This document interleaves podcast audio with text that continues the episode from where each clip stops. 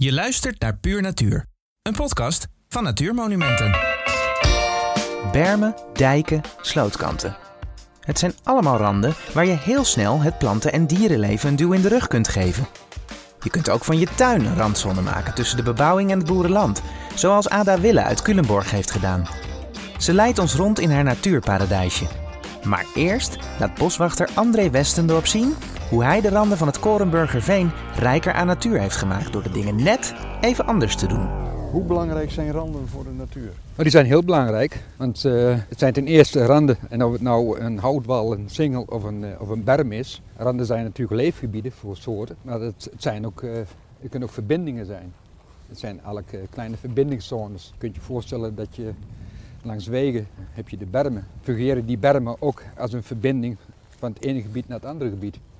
En dan maakt het niet zoveel uit of je in een natuurgebied zit of in een, in een agrarisch gebied. Als je die bermen zeg maar, op een goede manier onderhoudt en er is ook nog wat, uh, er kan ook nog wat bloeien, dus uh, bloemen. Dat betekent nectar, voedsel voor uh, insecten, maar ook voor vlinders onder andere. Dan hebben die bermen zeg maar, gewoon een hele waardevolle functie, ecologisch gezien. Je, je, noemde net al een paar randen, hè? houtwallen, bermen. wat, voor randen heb je zo al? We hebben hier in Winterswijk heel veel uh, zandwegen ook. Het is ook weer een heel apart uh, milieu. Waar heel veel soorten, zeg maar, zandloopkevers maken daar graag gebruik van. Maar even los dat het ook in zo'n cultuurlandschap nou, ook wel een toegevoegde waarde heeft. We hebben ook natuurlijk de bosranden. Bosranden zeg maar, met overgangen. Het liefst een mooie zoom van een overgang van een hooiland of een grasland naar, naar bos of naar een houtsingel. Een, een, zoom? Een zoom is een hele mooie overgang, een geleidelijke overgang eigenlijk van nou, bijvoorbeeld een grasland naar een bos. Wat je vaak ziet is dat het gras in één keer staat daar een, een bos met hoogopgaande bomen zeg maar. Wat wij ook de afgelopen jaren hebben gedaan is om te kijken van goh, kunnen we die hele strakke overgang van het grasland naar het bos niet geleidelijker maken. En dat kun je doen door in het weiland meer struweel aan te planten. Dat je dus een geleidelijke overgang krijgt van grasland naar struweel, struik, die zeg maar een, bepaalde hoogte hebben, naar, uiteindelijk naar het bos. En wat je ook kunt doen is zeg maar door in de bosrand wat te gaan doen. De bomen weg te kappen en daar weer in de plaats uh, struweel aan te planten. En wat doe jij als boswachter dan om de, de, de bermen en de wat, wat lagere randen, zullen we maar zeggen, dan de, dan de houtwal en de, en de, en de bosrand, om die bloemrijk en insectenrijk te maken? Nou, dat is aan de ene kant kijken wat er staat en daar het beheer een beetje op richten. Niet alles dus uh, in één maaibeurt uh, afmaaien. Als er wat bloeit, kunnen soms ook bramen zijn. Hè? Die, die, die spaar je dan. Dus je doet het al gefaseerd. Dus dat kan, kan zijn doordat je vlekken laat staan of je maait één baan langs een berm en de andere strook zeg maar, die laai je, die je dan ongemoeid. En die doe je bijvoorbeeld met een tweede maaibeurt. En dan laat je zeg maar, uh, nog weer een, stro een, strook staan. En dat is een beetje het, het, het, het, beheer, zeg maar, wat je ook in de, in de hooilanden doet, door niet alles in één keer te maaien. En wat is het effect daarvan? Nou ja, dat is een beetje hetzelfde effect wat ik net noemde voor uh, het behoud van uh, ongemaaide stroken. Het effect is gewoon dat beesten daar beschutting in vinden. En dat ze daar zeg maar, voedsel vinden, dus nectar. En dat het uh, daarnaast ook nog een keer uh, heel natuurlijk oogt. Het is niet uh, van de een op de andere moment dat je een vegetatie hebt en de volgende dag als je daar met een maaimachine bent geweest, dat het helemaal kaal is.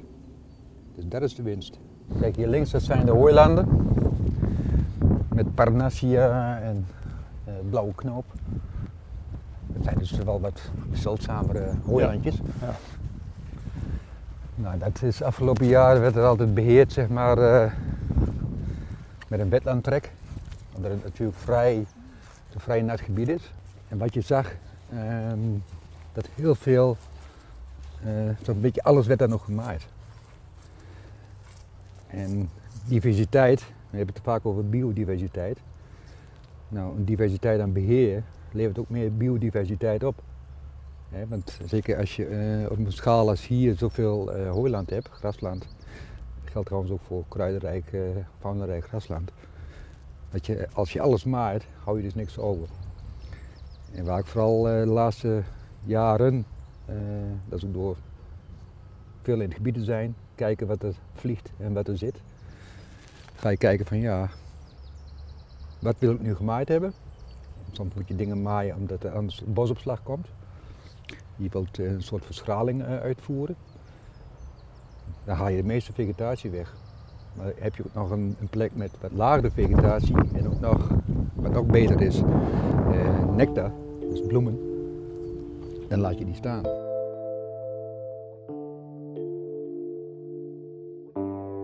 Dus daar kijk je naar van, goh, hoeveel procent laat ik staan? Hè? Stelregel is nu tegenwoordig uh, dat je 10% laat staan. Kan ook meer zijn. Het ligt een beetje aan de situatie wat je in het veld tegenkomt, zeg maar.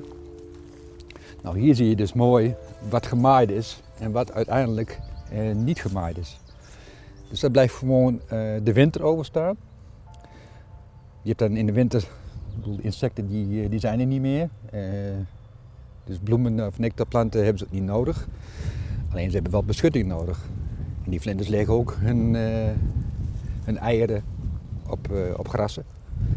Die, uh, die larven, die rupsen, die, die komen uit, die vreden zich vol die overwinteren ook als, pop. Dat betekent dat je, als je alles zou maaien, dan ben je ook, dan voer je dus heel veel weg. En niet alleen vegetatie, maar ook soorten. Nou, en als je wat meer ruimte hebt om dingen te laten staan, dus vegetatie te laten staan, dan heb je dus, en doe je voor je beheer doe je het goede, maar ook voor de soorten doe je het goede. En daarnaast lijkt het ook nog een keer heel natuurlijk, want ik vind dit oogt al veel natuurlijker dan een helemaal glad geschoren uh, gazon, zou ik gaan zeggen. Nou, dat geldt dus ook voor, die, uh, voor de randen. Want we lopen hier eigenlijk langs een, uh, ja, een houtwal, kun je zeggen. Dus die overgang van bos of een houtwal of een singel naar in dit geval het hooiland, dat is ook heel waardevol. Die rest zit je, heb je voor bijvoorbeeld een soort als een levenbare nagedis. Die kruipt hier weg. Die, die zoekt ook zijn voedsel zeg het hooiland. Maar juist in die houtsingel.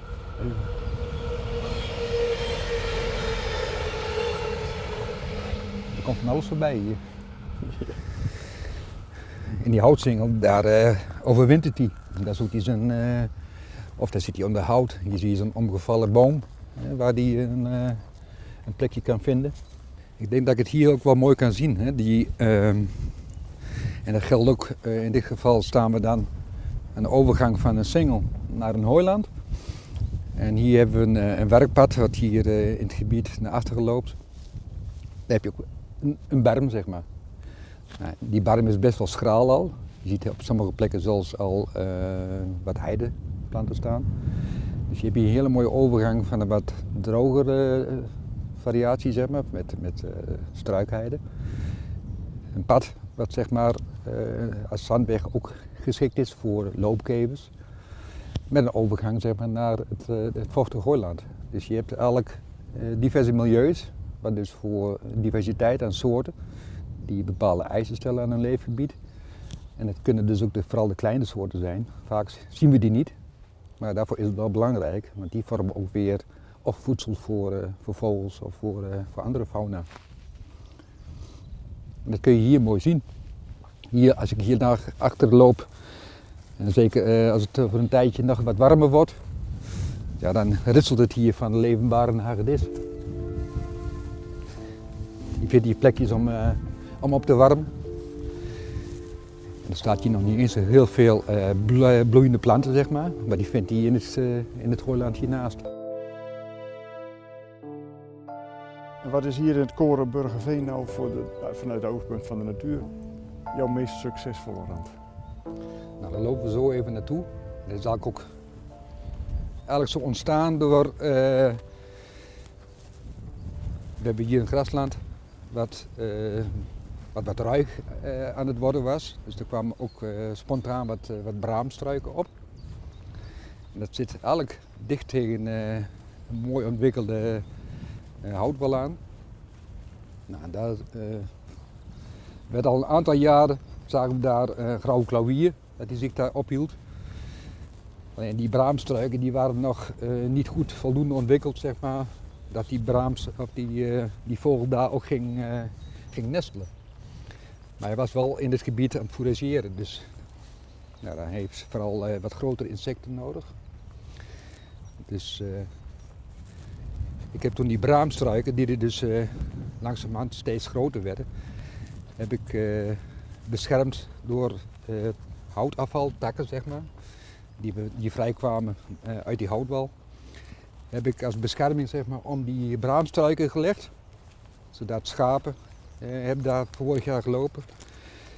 maar ook koeien, hè, als er vee in komt, dat die zeg maar niet die braamstruiken weer zou vertrappen of afvreten, of kalfvreten. Zodat die vogels zeg door die, uh, die takken en zeg maar, die struiken daardoor beschermd werden. Nou, en vorig jaar heeft hij daar dus ook een nestje gemaakt. Dan kon je mooi zien hoe die uiteindelijk uh, steeds af en aan vloog met insecten om, uh, om zijn jongen te voeren.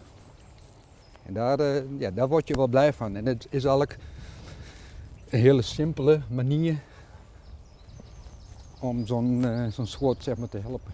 En, nou ja, en daarmee dus, dat weet je dan, omdat het een, een, een kieskeurige soort is, daarmee eh, help je dus ook heel veel andere soorten. Ja, want die soort die heeft dus uh, grote insecten nodig. Nou, en als je weet dat hij daar zeg maar, uh, ook al aan het fourageren is, dan weet je gewoon dat daar voldoende aanbod is. En dat zegt ook iets over de kwaliteit zeg maar, van de omgeving of van dat specifieke perceel.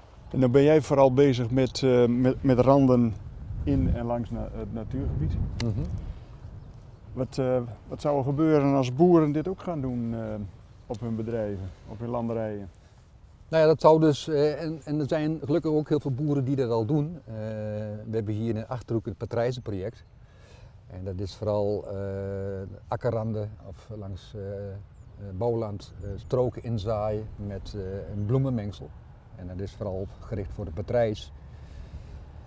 maar naast de patrijs zullen daar ook veel meer dieren zeg maar, gebruik van maken. Maar voor de patrijs werkt het ook, want dat is best wel een succesverhaal. En hoe meer boeren daaraan meedoen, hoe meer leefgebied je ook creëert en, en voedselaanbod je krijgt. Want patrijzen zijn juist de kuikens gebaat bij eiwitrijk voedsel. En die gaan daarna over zeg maar, naar meer naar, naar zaden. Nou, dat vinden ze juist in die, in die ruigtes. En als je buiten de natuurgebieden ook van dat soort randen zeg maar, in het agrarisch gebied ziet, zeg maar, dan fungeren ze uiteindelijk ook als een soort verbinding zeg maar, van het ene naar het andere gebied. En dat hoeft niet per se een natuurgebied te zijn. Nee, maar we hebben hier ook heel veel particuliere eigenaren. Er zijn ook heel veel particulieren die aan natuurbeheer doen. Dus uiteindelijk. Maar je, je, verbindt wel leefgebiedjes van soorten met elkaar. Ja, het, is, het zijn eigenlijk een beetje ecologische verbindingszones wat je doet. Dat zijn wel heel dynamische, want die randen die, eh, die zaai dan in en soms liggen, liggen die niet altijd op dezelfde plek. Het ene jaar liggen ze misschien op een ene plek en het jaar erop op een andere. Maar uiteindelijk is het wel uh, totaal de massa, zeg maar, wat het aanbod voor uh, heel veel soorten juist, uh, juist heel goed doet. Bermen en andere randen tot leven brengen kan ook in je eigen tuin. Dat laat Ada willen zien. Aan de rand van Culemborg, tussen de bebouwing en het boerenland, maakte ze van haar tuin een bloeiend en zoemend natuurgebiedje. Ada, je hebt deze tuin grondig aangepakt. Hoe was het? Zwaar. ja. ja, ik heb al twee versleten schouders eraan overgehouden. Want uh, we hebben heel veel borders aangelegd in deze tuin. Dat betekent afplaggen van, uh, van het gras, het mengen met uh, ja, losse grond, zand. Want hoe zag de tuin eruit toen jullie hier begonnen? Strak ja, netjes, strak gemaaid en veel hekken. En uh, ja, we hebben vooral heel veel hagen geplant, veel hekken weggehaald, maar ook heel veel borders aangelegd en ook stukken niet meer gemaaid. Ja, en dat geeft hele mooie, verrassende effecten. En waarom deze metamorfose van, van deze tuin? Ja, dat is, het was toch een beetje, of is nog steeds mijn passie, maar het was de passie van mijn man. Uh, en, en, en, mijzelf. En, uh, mijn man is helaas overleden twee jaar geleden. Dus uh, ik zie de voortzetting van die aanpak toch ook als een soort eerbetoon aan hem. Een soort monument. Het is een groene monument voor, voor Bart, zou ik maar zeggen. Ja. Maar tegelijkertijd geeft natuur ook zoveel troost en kracht en ontzettend veel plezier in je leven. Want elke dag is het anders, elk seizoen is het anders. er zijn heel veel verrassingen die je nooit van tevoren bedacht had en die dan zomaar ja, tevoorschijn komen. Al dat leven wat je opeens in je tuin krijgt. Ja, ik vind dat een heel groot cadeau. Kun je daar eens een voorbeeld van geven van verrassingen die je zo de afgelopen jaren gehad? Ja, eh, nou, een groene specht eh, die opeens met jonkjes, jonkies eh, in het terras de mieren komt eten. S'nachts de, de uilen die in je tuin komen jagen, zitten te roepen. Ehm, nou ja, dat al. Zo'n zo merel die door je gezond scharrelt. En een bek vol wormen heeft die, die natuurlijk de linea recta naar de kast of het nest terugvliegt om die jongen te voeden. Ik, ja, mijn tuin is gewoon een grote snoepwinkel voor vogels en voor dieren. Dat vind ik fantastisch om, dat, uh, om daarin te voorzien. Kun je ons een paar bijzondere plekken in je tuin laten zien? Ja, um, ja uh, we gaan even aan de wandel. Ik heb een, uh, ja, een tuin om het huis. Het is heel decadent misschien, maar het is ongeveer 5000 vierkante meter. En ja, om het huis hebben we grote borders aangelegd met vaste planten. En we hebben ook stukken van het gazon niet meer gemaaid. Dus dat zijn een soort uh, graseilanden geworden. Met wuivende grassen. Je ziet nu de grassen in bloei staan. Um, en straks komen daar uh, ja, vooral mussen komen hier die graszaden eten. En natuurlijk ook de insecten die zich uh, in dat gras verschuilen. Maar zeker ook in de winter is dit een, ja, een, schouwplaats voor de dieren. Want dit biedt beschutting en, en warmte in, in koudere maanden. En, dus het, het winter klaarmaken van tuinen, dat is eigenlijk heel slecht voor insecten. Dus alles afmaaien, kort maken, al het blad eruit blazen. Ja, dat zouden we eigenlijk in Nederland niet meer met elkaar moeten willen. Die tuin kan je ook in het voorjaar netjes maken. En uh, door hem niet winterklaar te maken, dus de tuin met rust te laten, denk ik dat je heel veel kan doen voor biodiversiteit. Wat natuurlijk nu wel heel belangrijk is, dat we daar met z'n allen aan mee gaan werken. Dus uh, ja, ik denk dat dit soort plekken heel makkelijk is, want ik ben eigenlijk een hele luie tuinier. Ik doe het vooral niet. ik laat het maar gewoon gaan. En als ik zie dat het uh, uh, uit, uit, de hand loopt, zoals hier heb je heel veel bramen die de kop opsteken. Dat komt ook al doordat er veel stikstof in de atmosfeer zit en in de, in, in de tuin inregent. Ja, bramen en brandnetels zijn er gek op, dus die gaan woekeren. Nou, dat betekent dat ik hier even met handschoenen en een snoeischaar naartoe moet om hem een beetje terug te knippen en te onderdrukken. Ja. En, en, de, en, de, borders die staan dus volgeplant met, uh, met vaste planten. Ja. En hoe heb je die gekozen? Uh, sowieso, ja, we zitten hier op zware klei, dus je hebt soorten nodig die daar tegen kunnen, of in ieder geval goed op gedijen. Um, ook wel met de bodembedekkende eigenschappen, want ja, als je zoveel tuin hebt moet je zorgen dat die bodem zo snel mogelijk bedekt is. Um, maar ook uh, betekenis voor, uh, voor bijen. Dus je gaat net een hommel tussen de geraniums door. Geranium is een fantastische bodembedekker, ook op droge grond, ook in schaduw van bomen. Fantastisch, goede aanrader. Maar stikt ook van, van de hommels en de bijen. Dus ja, dat is zo'n zo'n knaller noem ik dat maar. Dat is een hele dankbare plant om te gebruiken. Ja, maar hier staan ook bijvoorbeeld allerlei grassen tussendoor. Ja, die zijn er spontaan ingekomen. En dan denk ik, nou, is dat, is dat goed?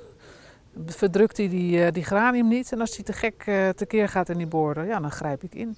En dat is ook, denk ik, uh, wat voor veel mensen een goede tip zou zijn. wees niet bang dat je de controle verliest. Want ja, we hebben zoveel machines en middelen om in te grijpen. En binnen een paar minuten is die plant die, die er een maand over heeft gedaan om, dat, om die hoogte te bereiken, is weg.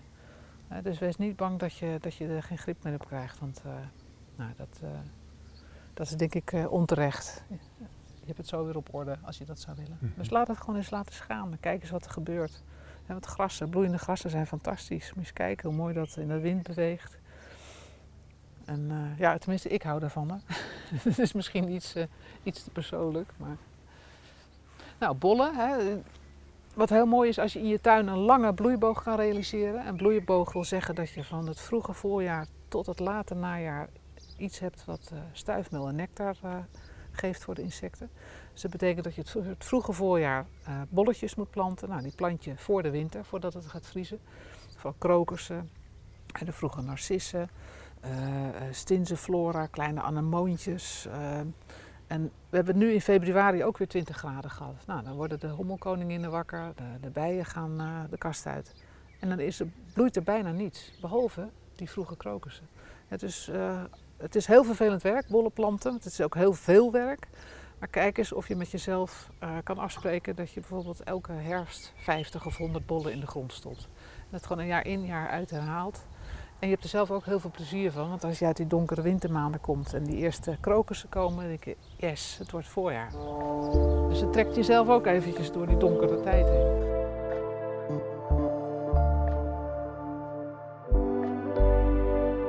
Nou, veel struiken geplant. Sierkersen zorgen ook, als je soorten kiest, dat het geen gevuld bloemigen zijn. Al die gevuld bloemigen, zoals stokroos of gevulde sierkersen, ja, die hebben helemaal geen waarde meer. Want die zijn eigenlijk uh, veredeld om uh, ja, heel veel blad te vormen. Maar daarvoor hebben ze de stuifmeeldraden uh, omgevormd naar, naar, naar, blad. Dus het is eigenlijk een ja, beetje een nepbloem geworden. En, dus zorg altijd voor enkel, enkelbloemige bloemen. En ja, herfstkleuren zijn natuurlijk voor jezelf leuk. En voor de herfst zijn natuurlijk de, de asters heel belangrijk. Hè?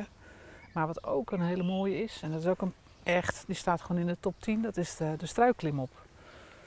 Je denkt, nou, dat is misschien een beetje saai, maar hij is fantastisch voor uh, vogels, voor hommels. Ik heb er nu dit voorjaar weer een nest in gehad van de zwartkop. Die komt ook net als de zwaluw helemaal uit Zuid-Afrika vliegen. En uh, iedereen kent de klimop wel. Hè? Dus dat is die klimplant die tegen muren op, op, uh, opklimt. Nou, deze is wat bossiger, die vormt een struik. Maar hij bloeit in het najaar. En dan is hij een van de belangrijkste stuifmodelleveranciers voor uh, hommels en bijen. En zeker honingbijen hebben een voorraad stuifmeel nodig om in het voorjaar weer een kickstart te kunnen maken. En uh, ja, het is gewoon een hele makkelijke struik. Je plant hem onder bomen. Hij kan tegen schaduw, hij kan tegen zon. En als hij te groot wordt, ja, dan knip je hem gewoon terug. Dus uh, een aanrader. Kijk, hier komt straks de wilde peen op. Die is gewoon spontaan opgekomen, omdat ik daar ook niet meer maai. Ja, dat zijn gewoon cadeautjes. Die gaat uh, prachtig witte schermen bloemen. En er komen heel veel wilde bijen ook op af. Dus ja, als je het boek van Arie Koster, dat is de bijendeskundige van Nederland, hè, die heeft een, een nieuw plantenboek geschreven. Heel leuk leesbaar boek. Als je daaruit selecteert, want hij geeft per plant aan hoeveel wilde bijen daarop vliegen. En als je daaruit de top 20 selecteert, dan zijn dat grotendeels, ik denk 90% zijn onkruiden. En iemand, misschien was dat wel Dave Golson, die zei als we nou eens alle onkruiden wilde flora gaan noemen, dan zijn we van een heel groot probleem af. Tenminste, wat voor veel mensen een probleem is. Want dan hebben we een tuin vol met wilde flora staan. Ja, maar dat is toch ook maar een definitiekwestie. Ja. Nou, precies. En als je dan ziet op hoeveel onkruiden uh, paardenbloem. Hè? Uh, mensen kopen daar speciaal gif voor. Maar paardenbloemen vliegen geloof ik wel, uh, wat was het, 27 soorten wilde bijen. Ja, en mensen zijn er al mee bezig door bijenhotels te maken of te kopen. Maar laat dan ook eens een paar paardenbloemen staan. Want sowieso voor een wilde bij geldt natuurlijk de bed and breakfast formule. Hij moet nest, hij, zij moet nestgelegenheid hebben, maar binnen 100 tot 500 meter moet er ook voedsel te vinden zijn. Want een honingbij, ja, die vliegt al drie kilometer uit de kast. Maar die, die wilde bij, die heeft maar een hele kleine actieradius. Dus als jij geen voedsel hebt, hoef je ook geen bijenkast op, of een bijenhotel op te hangen. En andersom hetzelfde. En uh, dat zie je nu, hè, dat bijenhotel wat ik daar verderop heb. Ja, dat is favoriet. En verderop heb ik er ook een neergezet. Ja, dat is te ver weg voor, voor vanaf uh, de plantenborders. Dus ze kiezen het zelf wel, uh, wel uit, hoe het goed uitpakt. Ja. Maar nou heb jij het niet alleen bij het omvormen van je tuin gelaten. Je wilt ook dat mensen daarvan kunnen genieten. Ja, ja. ja want uh, iemand zei een keer in een lezing, het delen van kennis is vermenigvuldigen.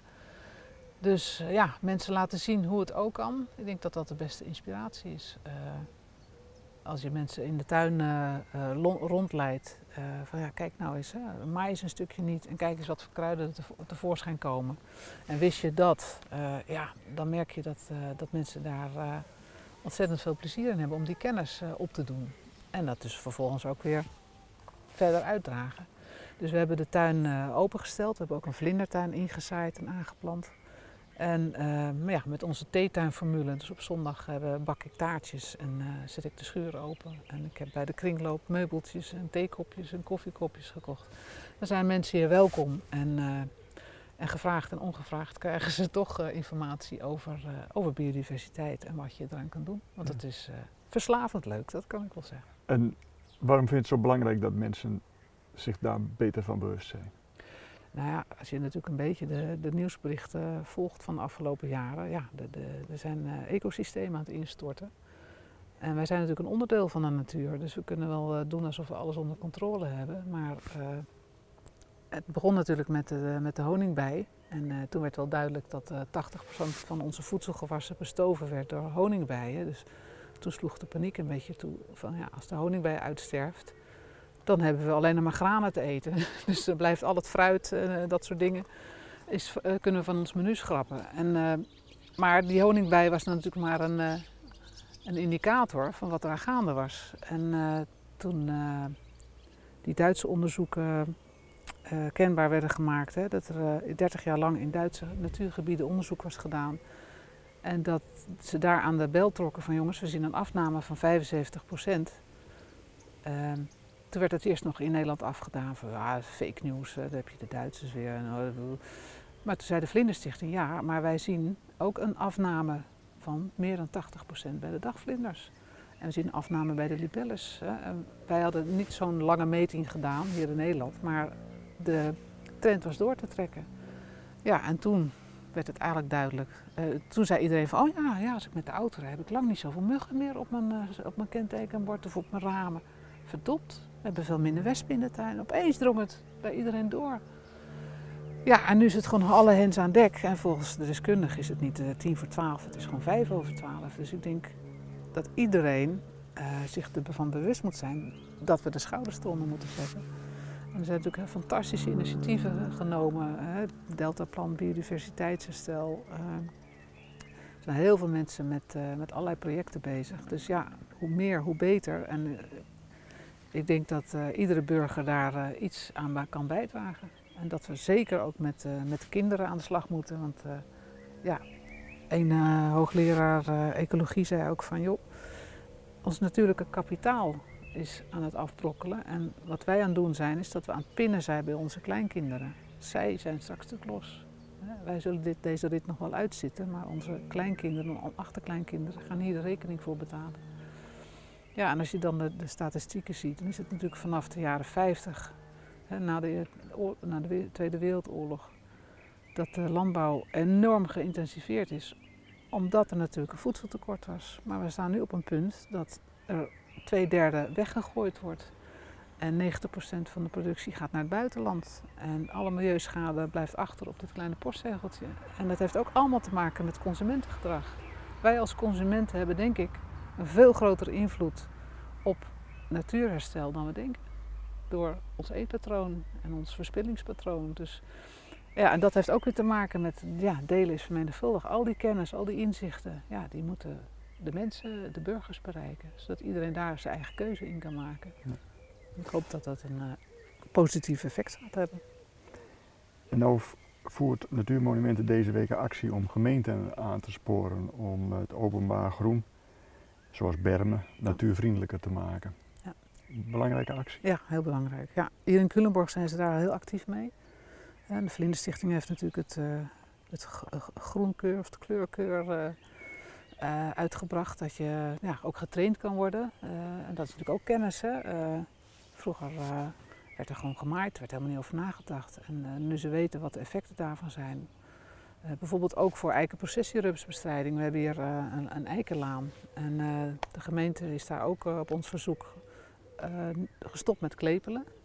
dus het is nu maaibeheer met afvoer. En we zien een enorme toename weer aan kruiden en aan schermbloemigen en, dus allerlei insecten die ook weer die eikenprocessierups bestrijden. En twee, drie jaar geleden waren er nog uh, eh, 50 bomen besmet en de afgelopen controle zijn er nog maar twee gevonden.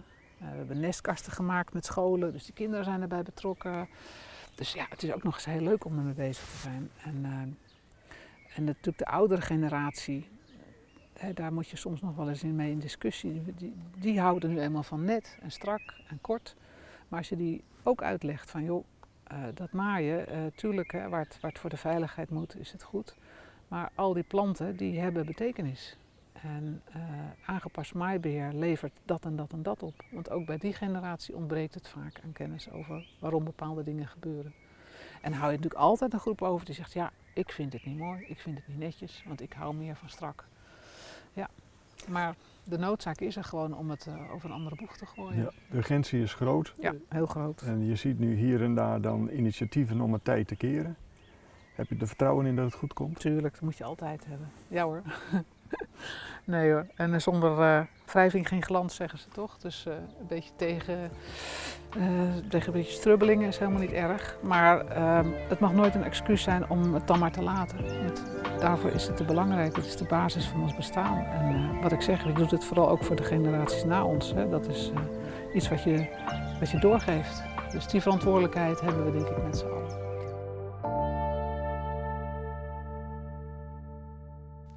Je hoorde Frans Boscher in gesprek met André Westendorp en Ada Wille. Kijk op www.natuurmonumenten.nl slash Korenburgerveen voor meer informatie over dit gebied. Wil je de tuin van Ada Wille eens bezoeken? Je vindt op hondijkertheetuin.nl waar je moet zijn. Wil je geen aflevering van deze podcast missen? Abonneer je dan in je favoriete podcast-app. Wil je meehelpen de natuur en het culturele erfgoed in Nederland te beschermen? Kijk dan op www.natuurmonumenten.nl slash lid. Bedankt voor het luisteren naar deze aflevering van Puur Natuur. En tot snel in een van onze gebieden of in je koptelefoon.